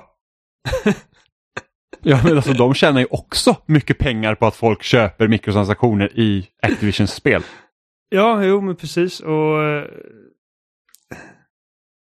Och det, och det är ju såklart, det kommer ju ge liksom eh, effekter liksom av att okej, men Microsoft helt plötsligt öppnar liksom, alltså Microsoft dessutom, alltså den här dealen med Activision, att de köper upp Activision, det är precis som att de ska typ köpa upp Nintendo. Det är Ja, liksom, men- ja. alltså pengamässigt typ samma. Så det är liksom bara så att, och, och det är liksom bara, det är ju bara Microsoft som har den, alltså de har ju de tillgångarna av då liksom de stora konsoltillverkarna. Liksom, Mm. Det är ingen annan som har samma liksom, och, och det är lite så här, det blir lite märkligt för att det, det är liksom inte, det är inte jämförbart, liksom tillgångarna de har. Det är liksom bara så att de kan bara köpa upp och sen så ja det finns ju liksom så att jag vet att EU är ju betydligt hårdare på det här att liksom stora techföretag ska inte kunna köpa upp liksom allt. För att det liksom finns så här konkurrens och bla bla. Jag vet inte hur liksom, jag vet att folk Inte få monopol. Nej men precis och det är liksom och jag vet att folk liksom sitter och skriver så här, ja men det är, det är inte ett monopol för att du har fortfarande valmöjligheter men det är inte riktigt det vad det handlar om heller när konkurrens, om man tänker svenska konkurrensverket hoppar in och kollar liksom att allt, det handlar inte heller om att få monopol men du får heller inte få en stor del, få för stor del av marknaden. Vilket jag inte tror att det här kommer vara. Men det är liksom så att okej, man köper upp Activision och man krymper liksom egentligen de här stora tredjepartstillverkarna. Nu har vi liksom, Microsoft blir en jättestor del nu och sen har du EA och du har Take-Two liksom. Om man inte räknar med Tencent till exempel, men Tencent är så stora så att det är, liksom, det är nästan löjligt. Men det gör ju att My, eh, alltså Sony kanske också börjar liksom att komma och säga att ah, men vi måste också börja köpa upp studion nu för vi måste också ha, liksom, vi får inte riskera att tappa för mycket om man säger så. Eh, och då blir, liksom, då blir det helt, då, då portioneras det ut. Liksom, då blir det mycket mindre och så är man att tredjepartsutvecklarna de kanske blir mindre. Samtidigt så betyder inte det att det inte heller behöver få något gott med sig för då kan ju liksom mindre tredjepartsutgivare också komma upp. Liksom, vi har ju vi har ju Devolver Digital till exempel som ger ut väldigt mycket mindre spel som liksom mm. har en ganska liksom, eh, så att man ser liksom till att det kommer en del spel därifrån och sen Anna Perna och så. Så det beror liksom på lite vad man vill ha det till. Men det, det är liksom det, det, det är en ordentlig Alltså det är en ordentlig liksom skifte ja, det är ett i industrin. Ja, uh. alltså jag vet ju att det, det gick ju rykten om för flera år sedan att, att, att uh, Microsoft hade köpt Electronic Arts och folk typ skrattade åt det. Liksom, att det, det, det, det är liksom löjligt att det skulle kunna hända. Och nu, är det, nu, är det liksom, nu har vi liksom en händelse av samma magnitud här. Så det, är liksom, det, det är jättemärkligt verkligen. Ja, jag, menar... jag tror det, det, det, det, posit, alltså det positiva med det är ju det kanske att man, man liksom binder upp studios som varit kopplade till Call of Duty att faktiskt göra någonting annat. Mm. Ja, och alltså som sagt, typ... jag tror att det, det, det, kan bara bli bättre för de som jobbar på Activision nu. Uh, förhoppningsvis. Ja, för, ja, förhoppningsvis. Men ifall, det, är liksom, det, det är inget det är skrivet i sten. Liksom, man Phil Spencer sitter där liksom och typ säger bara åh, jag är disgusted över rapporten om uh, Activision och sen köper han Activision och allting fortsätter som det alltid gjort. Alltså det, det, det hade varit riktigt illa. Ja, gud ja. Alltså fy fan Microsoft. Alltså, nu har ni chansen att liksom faktiskt göra positiv förändring för de här människorna. Mm. Ta hand om dem. Ja men verkligen. Uh, jag bara tänkte på, det var också kul liksom, folk som har slutat Microsoft för att börja jobba på Activision och är nu tillbaka på Microsoft. ja, verkligen. Rod Ferguson är tillbaka nu. Uh, ja. Även, alltså, Bethesda-uppköpet och även liksom de här typ alltså enskilda studiorna som de har köpt liksom som Playground och Ninja Theory och Double Fine och alla de här. De, de grejerna var spännande för mig för att jag tycker att okej, okay, här har vi otroligt talangfulla studios som nu har liksom, vad ska man säga, ekonomisk liksom, trygghet och förhoppningsvis kreativ frihet till att göra liksom fantastiska grejer. Ja, istället för att liksom jaga pengar hela tiden. Ja. Eh, och det var ju typ som Tim Schafer och... sa liksom. Alltså Tim Schafer sa efter uppköpet liksom att nu, nu behöver liksom inte jag sitta och jag behöver liksom inte jaga investerare hela tiden Nej. för att vi ska kunna göra de spelen vi vill. Liksom att det, det liksom, nu kan vi liksom fokusera mer på att liksom, ja, men nu vi, vilka spel vill vi utveckla, vilket mm. det måste ju kännas otroligt skönt. Så, som... Och det fick vi liksom av med Psychonauts 2, liksom att även om de har liksom haft liksom typ inte Kickstarter, de gjorde väl det via FIG, men liksom så här, hitta eh, finansiärer och liksom vända på pengar och så, så kommer Microsoft in och köper dem så bara oj, vi fick precis en boost i pengar liksom och det spelet var ju fantastiskt bra. Verkligen. Så, att, så för någon då som, som älskar liksom spel så eh, den, den idén var väldigt liksom eh, positiv för mig. Eh, spännande för mig. Inte för att det spelar någon större roll ifall det är Microsoft eller någon annan. Alltså, eh, vi alla har ju liksom samtliga format i princip. Så det, det spelar ingen roll för mig vart jag spelar de här spelen egentligen. Um, för mig handlar det bara om att de här liksom kreatörerna kommer nu liksom kunna fokusera på vad de gör bäst. Och, förhoppningsvis. Ja, förhoppningsvis. Precis, man vet aldrig. Jag menar, alltså, Microsoft har mycket goodwill nu och det liksom det, det snackas bra om dem, men vi vet ju inte. Alltså, vi kan ju bara hoppas. Um, ja, ja, och sen så Phil Spencer styr skutan nu. Mm. Liksom i, ett, i en riktning som liksom förmodligen är bra. Men vad händer när Phil Spencer inte finns kvar till exempel, Nej. det kommer in en ny person. Vad, liksom, vad händer om en Don Matrick-person hamnar liksom på de här och liksom bara så här, ja, och man börjar liksom sköta, ta hand om studierna på ett dåligt sätt och helt plötsligt måste man börja stänga. För det, är liksom, det har ju också Microsoft gjort, som Lionhead är en studio som liksom inte finns ja, längre precis. efter att man köpt upp dem. Och Rare har haft jättesvårigheter under en lång tid, liksom, att hitta fotfästet och få liksom, eh, till det på ett bra sätt också. Så att Man vet aldrig. Nej. Men man måste ju verkligen vårda de studiorna man tar till sig. För att det kan ju bli så himla bisarrt läge annars, att man tar till sig massa talang och sen så låter man den dö. Mm. Ja, jo. Man tycker att man måste göra det, men det måste man faktiskt inte. För att, precis som Jimmy poängterar nu, är liksom att vi har sett det här hända förut. Liksom studios köps upp och sen så läggs de ner för att av olika anledningar. Eh, Men alltså vi... Ja, ja, alltså de har ju inga tvång på sig att vårda sina studios, men de borde. Absolut, ja, precis. Och det, var, det är väl min poäng är liksom att jag, jag hoppas verkligen att de tar vara på talanger. Och, men just när det kommer till Activision så ser jag liksom inte så mycket anledning till att liksom som spelare bara oh fan vad nice nu har äntligen liksom eh, typ Call of Duty-teamsen eh, typ lite stabilitet. Eh, det är ganska osexigt Men alltså uppsatt. rent- Rent spelmässigt så bekommer det mig inte det minsta egentligen. Jag tycker inte det är så spännande i och med Nej. att det liksom inte är spelserier som jag dras till eller som jag vurmar särskilt mycket för. Utan det jag framförallt tänker på är att de måste ju göra någonting åt den arbetskultur som finns i Activision Blizzard för att den är så otroligt sunkig och den är inte hållbar på något vis och det har ju liksom kommit upp till ytan nu på ganska så kort tid hur mycket otrevligheter som folk har stått ut med. Ja, och, och det var ju precis som vi pratade om liksom för några veckor sedan. Det var också här liksom att, att, att ledningen under Activision Blizzard är ju riktiga jäkla rötägg och är det liksom ruttet i toppen, då tricklar det sig ner i hela organisationen. Vi har ju liksom så här helt otroliga typ så här Trump-supporters och allting som sitter där och liksom bara ska hova in en jäkla massa pengar och liksom, det spelar liksom ingen roll vilka hemskheter som händer. Det är bara så att nej men då, då får det vara typ. Ja men precis, alltså det är ju klart att det går ju aldrig att ha ett storföretag och säga att pengar betyder ingenting, för att pengar betyder väldigt mycket och det går att uträtta väldigt mycket med pengar. Men samtidigt så måste man ju fortfarande se till att de personerna som arbetar på företaget, de personerna som sliter för att pengarna ska kunna hovas in, de måste ju bli hörda och inte negligerade. Och när sådana här saker kommer upp till ytan, då kan man inte bara sopa det under mattan, utan i och med att Microsoft har sådana våldsamt enorma resurser, så borde de ju kunna göra någonting åt det här. Man får ju hoppas. Och sen så är det så här att Bobby Kotick är ju liksom en person så att jag vet att, att du Han är kom, en person. Är Ja, men att det är så här typ att ja, men jag kommer sitta kvar tills det här köpet liksom är klart. Vi så här, ja fine. Och sen måste han ju såklart gå. Jag ska ju bara hoppas att han liksom försvinner innan. liksom att det är liksom en person som inte borde få sitta kvar på den positionen ens nu.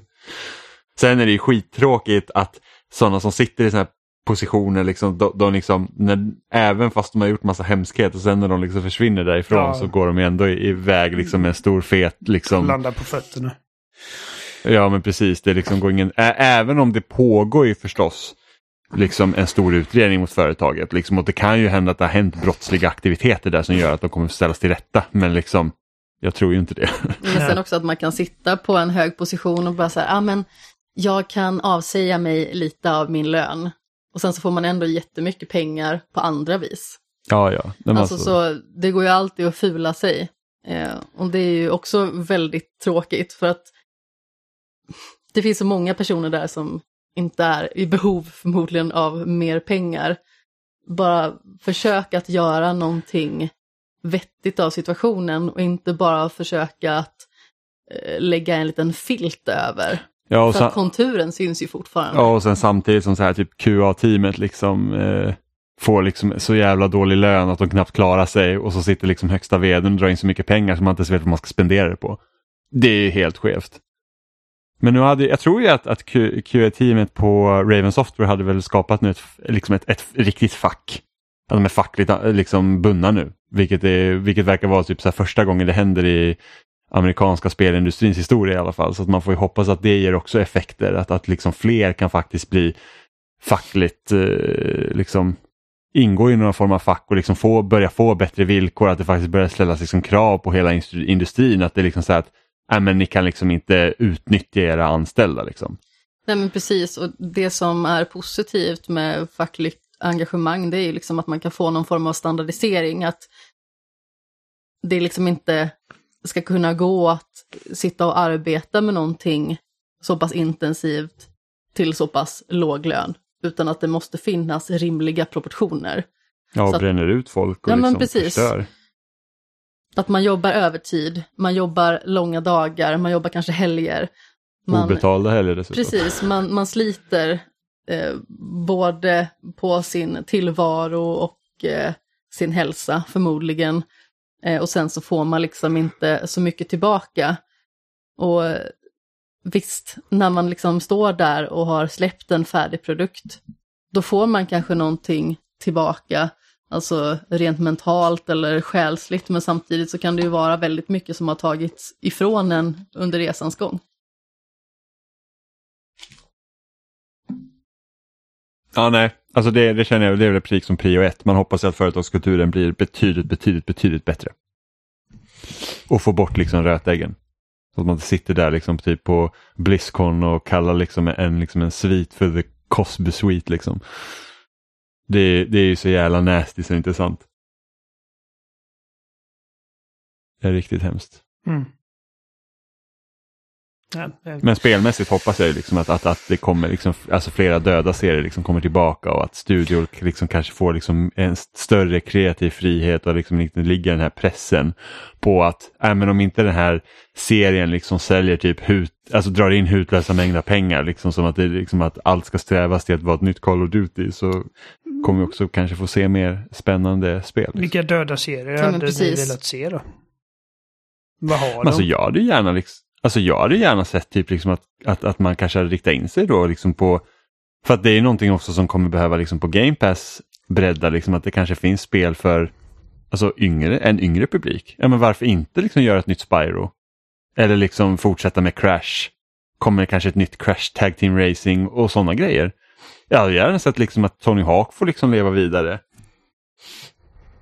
Jag ger inte så mycket för att liksom återuppliva typ Guitar Hero. Det räcker liksom att Rock Band 4 finns och att man fortfarande kommer få liksom eh, nya låtar till det. Men liksom ja, alltså varför inte Spyro, Crash Men alltså det behövs ju mångsidighet. eller nya spel. Liksom. Och förmodligen så finns det också mångsidighet i den personal som de har anställd. Det är bara det att många har förmodligen satts på ett mängdprojekt så som Call of Duty är. Liksom. Mm. Det är en spelserie som är väldigt mycket samma samma. Och visst, det finns ju variation inom Call of Duty också. Men det är ju kanske inte variation som man tänker variation i spel i allmänhet. Mm. Och också det att Call of Duty inte behöver liksom släppas varje år. Att liksom det, kan, det kan faktiskt att, att göras om så att det liksom varje spel, nytt spel blir mer som ett event. Ja. Säg att det tar fem år med ett Call of Duty, liksom att bara, här kommer nästa Call of Duty-kampanj och nu har liksom, nu är det, det är en stor grej. Mm. Det, det är väl det jag Det känner hade- eh, ja. hade, hade gjort mig eh, liksom excited. Ehm, för att just nu, menar, alltså Vanguard, det är det första Call of Duty-spelet jag inte köpt. Bara för att jag vet inte, det är bara, det, det är liksom, Call of Duty känns inte spännande längre. Eh, jag Och så är det så många, det är så många studier som jobbar på det och det är liksom bara frigör några av dem och låt liksom ett, inte litet, liksom ta ett stort team, men liksom ett team med, med en liksom bra vision och låt dem göra någonting massivt med nästa Call of Duty. Liksom, så att nästa gång Ja, vi ser Call ja. of Duty så ska det vara en grej, alltså liksom Modern Warfare 2. Eh, jag eh, men sen vet jag inte. Men det är som du säger, okej, de äger Crash och Spyro nu och Microsoft är ju inte kända för att de har liksom många, många liksom eh, påkostade superbra familjespel. Så att det, det, det är alltid någonting de kan göra, men eh, jag vet inte, som sagt, alltså, de IPn som de nu sitter på eh, är inte lika spännande som, som de andra grejerna de har köpt hittills för mig. Nej. Sen har jag en liten så här önskan om att fan, dra World of Warcraft till konsol. Mm. Och jag vet att det är, liksom, det är ett gammalt spel och jag vet inte hur mycket jag har spelat av World of Warcraft egentligen men alltså, det är jäkligt nice liksom bara att spela World of Warcraft, liksom bara slöspela eller hoppa in med några kompisar och bara döda typ göra quest där man ska döda typ 25 grisar och levla upp och hitta bättre gear och bara liksom umgås i det och liksom bara supa in den atmosfären som finns i den världen. Det, det tycker jag är helt fantastiskt. Så det hade varit skitnice att få World of Warcraft liksom till så att jag inte behöver spela på PC. Låt mig spela på Xbox. Och Tagga World of Warcraft Remake 2025. Ja men alltså, de, alltså, det, alltså World of Warcraft piffas ju upp mellan varven liksom men det är... Det var ironi. Jo jag vet men de, de har ju faktum är att det släpptes ju liksom en legacy server med World of Warcraft så spelet var precis som det var när det släpptes 2004. Vilket folk, och sen har det liksom släppts så här, ja men nu kommer Burning Crusade precis som att det hade släppts igen. Så det, men det, det har varit kul att spela World of Warcraft på konsol. Men en annan sjuk grej är ju det liksom att nu är ju liksom, alltså Xbox har ju alltid varit liksom känd för att liksom ha många shooters, men nu är det typ de har alltså om de här serierna, ja men precis, om den, de här serierna låses liksom till Xbox, alltså en Microsoft-plattform, för att allt som kommer till Xbox kommer också på PC, det är liksom inte att förglömma. Eh, men det är liksom, de har i princip varenda stor shooter-serie utom Battlefield. Och Titanfall. Och som inte är egentligen en stor serie längre förutom typ med Apex. Men liksom det är så att det helt plötsligt blir liksom shootersfären över allt annat väldigt smal. Eh, vilket- det, det, är liksom, det är en ganska sjuk tanke egentligen. Eh, om man liksom, är du liksom en shooter-fan och, liksom, och, och spelar på Playstation, då är liksom, det finns inte så Ja, mycket är shooters att spela där. Ja, det, det är väl liksom väldigt lite. Sen bygger man också på de fördomarna man har om Microsoft eller ja, Ja, Xbox. precis. Att de har shooter. Alltså det är typ så här, men du har Gears, Halo. Det blir så här, Gears, Halo, Doom, COD.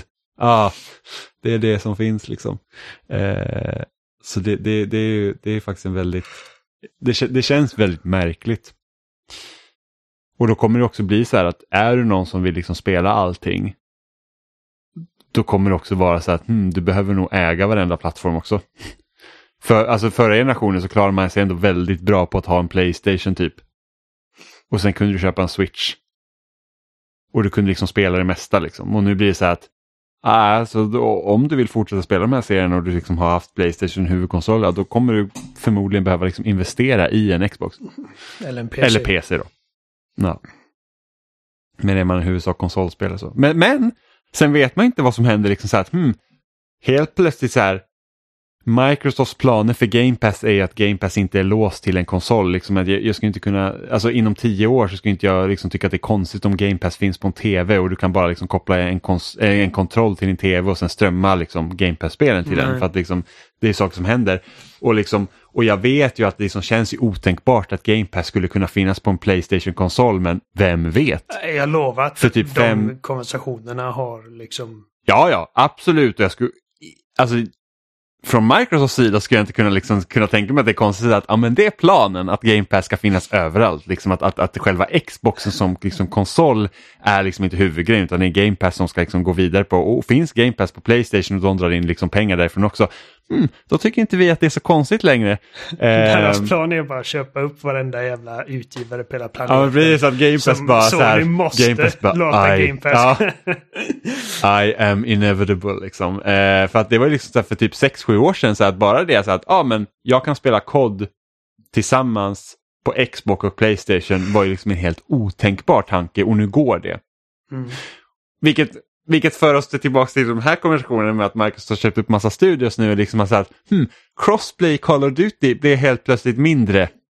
Liksom att det här problemet med så att crossplay löser problemet med att man inte portionerar ut online-basen mellan massa olika plattformar, att alla kan spela tillsammans och så kommer Microsoft köpa upp massa studios och så bara hmm, spelarbasen blir plötsligt mindre. Ja. liksom. nu, kanske, nu räcker det förmodligen att ha spel, liksom crossplay mellan PC och Xbox så du har en tillräckligt hälsosam pool av människor för att det liksom inte ska vara liksom katastrof. Men du låser ändå ut miljontals av spelare liksom bara med att Playstation försvinner från den liksom, grejen. Mm. Så att ja, så det är liksom, ah, everything comes around typ. Men ja, Alltså min, Så att magkänslan vet? är ju att eh, liksom framtida Call of Duties inte kommer till Playstation. Men jag hade inte alltså... Jag hade inte satt mitt liv på att, eh, att de också släpps på Playstation. Eller att de, att de inte släpps på Playstation. Liksom pistolen mot tinningen. Uh, ja, Nej, men så, så kan det ju vara mycket möjligt men samtidigt du köper inte en studio för 70 miljoner dollar. Mm. Och för att släppa det på allt. Nej, Heller. jag förstår. Men alltså, det, det, är inte så att de hade förlorat pengar på att sälja ytterligare liksom 10 miljoner enheter på annat håll.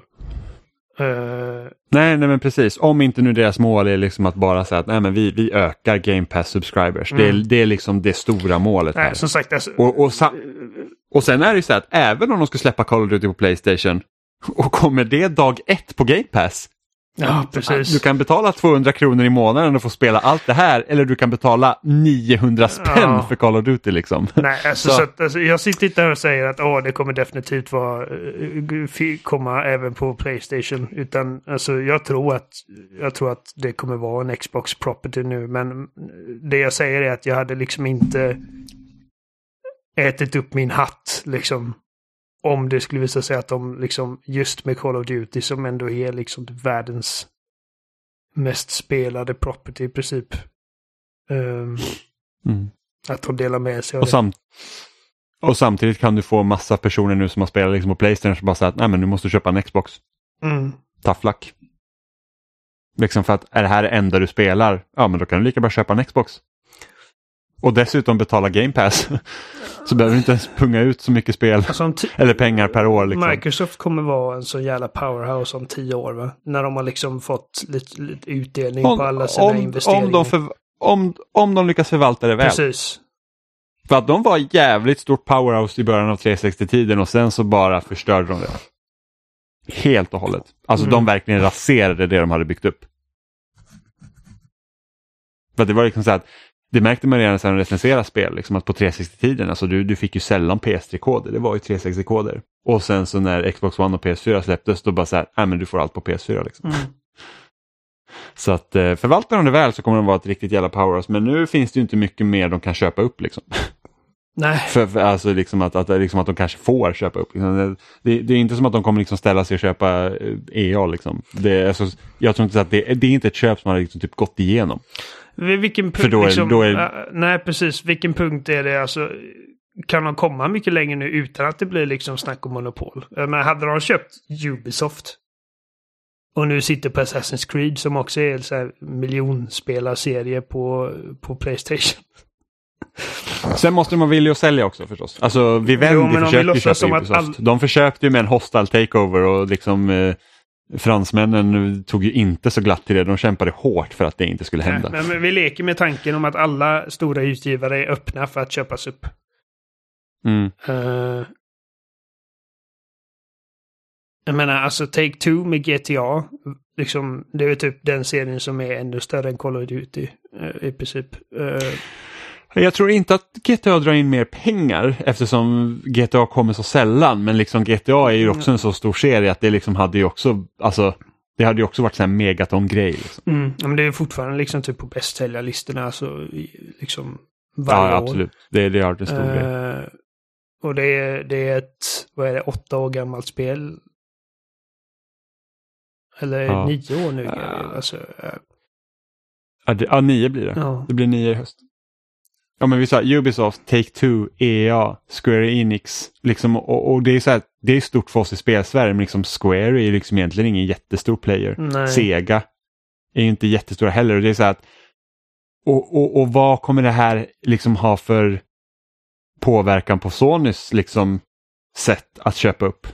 Liksom att kommer, kommer liksom Sony lägga liksom ännu större vantar liksom på, på den kanske japanska marknaden för att det är där Microsoft är som svagast och Microsoft bara, är vi misslyckas i Japan, vi köper upp allt i väst. liksom det är bara så här att Sony kan ha, Sony och Nintendo kan liksom sitta där på andra sidan dammen liksom så kan vi köpa upp här. Men liksom, så, vad, alltså, alltså, de, de, jag kan ju de, tänka mig att de, de, alltså, alltså redan typ bara det att hade de hade Microsoft typ börjat ögna Warner Brothers hade de ens kunnat göra det köpet nu. Liksom. Ja, jag vet inte. Då liksom får man ändå säga så här, förhoppningsvis inte egentligen. Nej, det, liksom, alltså, det, känner, det, är inte bra att, att, det är inte bra att saker hamnar till. Alltså, räcka, oavsett nej. hur kul det är att kunna spela massa grejer på Game Pass så är det liksom inte bra att allt för, för mycket hamnar under ett och samma nej, tak. Nej, för hur ser det ut om 20 år? Liksom. Ja, ja. Och sen liksom, då, då, då, då, finns det ingen konkurrens. Då kan man ju bara öka priserna. Ja. Liksom. Då är det inte så billigt Game längre. Game Pass 2000 i månaden. ja men precis.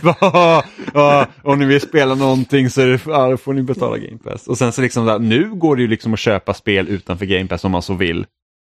Men det är inte heller en liksom förutsättning att spel faktiskt behöver släppas utanför Game Pass. Till exempel. Nej. Det är inte som att du kan liksom sitta och köpa Netflix-serier och filmer på DVD. Nej. Eller hyra från någon annan tjänst.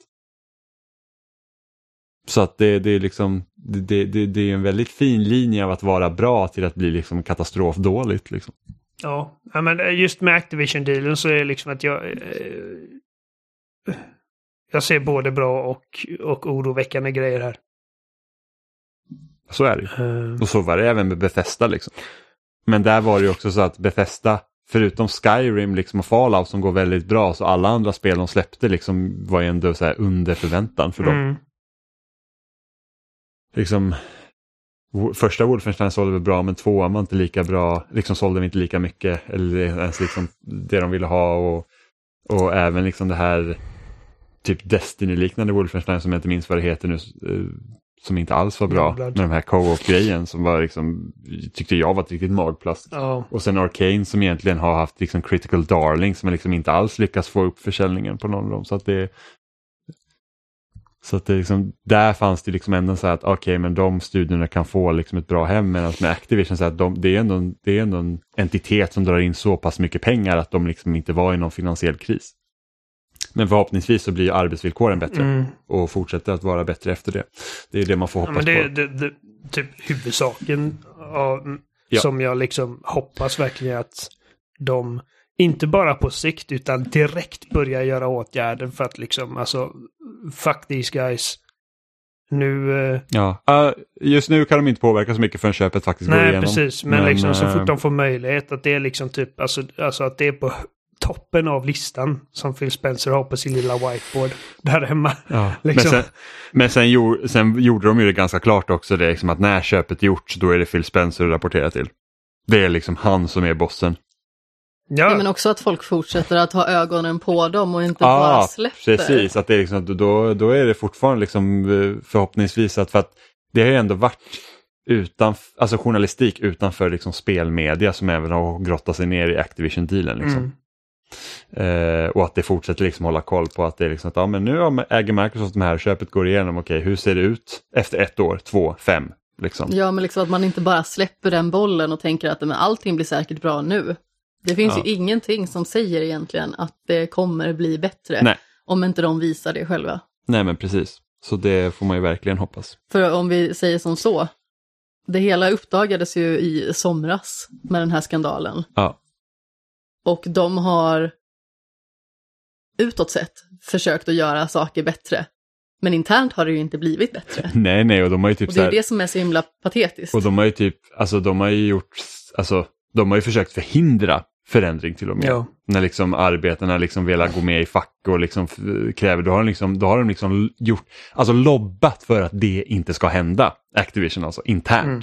Liksom från, från höger. Och sen liksom när det typ så här, Bobby Kotick finns liksom i typ Epsteins liksom eh, svarta bok och liksom eh, hela den grejen. Och, och så sitter liksom styrelsen och säger att nej men vi har fullt förtroende för honom att han liksom ska kunna styra skutan rätt. Och man bara, men alltså det är ju han som har, det är under hans liksom ledarskap allt det här har hänt.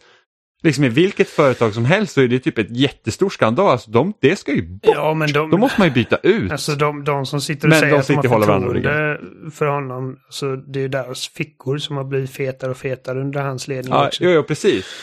Men ändå, utåt sett är det också en stor skandal. Ja. Det är liksom så att ingen kan gå där liksom och se typ save face liksom. Nej. Nej, men de, de Nej, har det ingen det är så skam. fruktansvärt, så Alltså, fruktansvärt. De, de Nej. har ingen skam i kroppen. Det, det är liksom mänsklighetens avskum. Det, Ja, det, det, är, liksom fan, det är riktigt går över lik alltså. för att liksom bli rikare och rikare. Och det... Även, alltså, jag, jag kommer in, inte vara särskilt intresserad över liksom Microsoft och Phil Spencers liksom snack om ah, nu, nu ska vi göra så, så att vi ska göra Call of Duty till si och så, vi ska göra bla bla bla. Det jag vill höra är liksom vad de har gjort, alltså sakligt, konkret. För att, För att förbättra villkoren Precis. på arbetarna. och bort med de jävla kräk. Som, som har liksom sett till att detta har kunnat fortgå.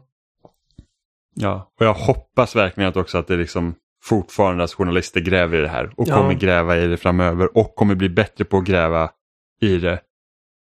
Eh, alltså utanför, alltså i de andra företagen också. Ja, nej, det är alltså jag... Jag kommer följa detta med stort intresse. Alltså, för att Microsoft har liksom som sagt, de har byggt på sig mycket goodwill bland konsumenter och spelare liksom senaste åren.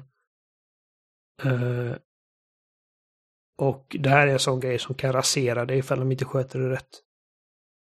Japp, så man får hoppas att de gör det. Helt enkelt. Men eh, Jag har inte så mycket mer att tillägga. det var väl... Nej, men det, ja, det är i alla fall, det, det händer mycket inom industrin kan man ju lugnt säga.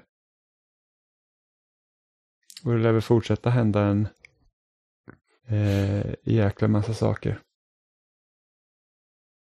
Men det var allt vi hade för den här veckan, helt enkelt. Så ni hittar oss som vanligt på spesnat.com. Där finns också länkar till överallt vi finns. Vi finns där du lyssnar på podcast helt enkelt. Spotify, YouTube, Googles variant, Apple Podcasts. Vi finns överallt. Ni kan följa oss på Instagram och Twitter på spesnackpodd. Ni kan också mejla oss på kontaktet eller byta ut kontakt till några förnamn som Amanda, Oliver, Jimmy, Johan, Emma och Robin. Finns också spesnack.com om ni har frågor eller funderingar eller tycker till. Eh, rate oss på Spotify. De har fått en ratingfunktion och det hjälper ju oss att synas helt enkelt så att fler kan lyssna på det ni lyssnar på helt enkelt. Så att har ni, kan ni gå där när ni är på jobbet och hämta kaffe och så säger man, ja men du har du lyssnat på Spelsnack? Men det har jag faktiskt gjort. Och så kan ni prata om det. Så kan du hitta kanske en ny kompis. Eller inte. Kanske hatar den personen. Kanske är Maggan på lön som är... Jävlar, nu gick mig Jimmy igång här på slutet. Ja, precis. Ja, jävla Maggan alltså. Men eh, ja, vi eh, släpps ju en gång i veckan på onsdagar så då kan ni höra ett nytt spelsnackavsnitt eh, för er som följer oss och nya följare och allting. Tagga nästa vecka när det blir Fifa 22. Ja, precis. Eh, Amanda har kört Fifa så att alla ni fotbollsnördar där ute, ni bara oh, nu ska vi höra hur man dribblar med högerspaken igen. Från 300 till 3 lyssnare. Precis. Och nästa vecka har ju säkert spelat lite av nya Pokémon. Så det ska bli kul. Men vi hörs nästa onsdag. Hej då! Hej då! Puss i ljumsken.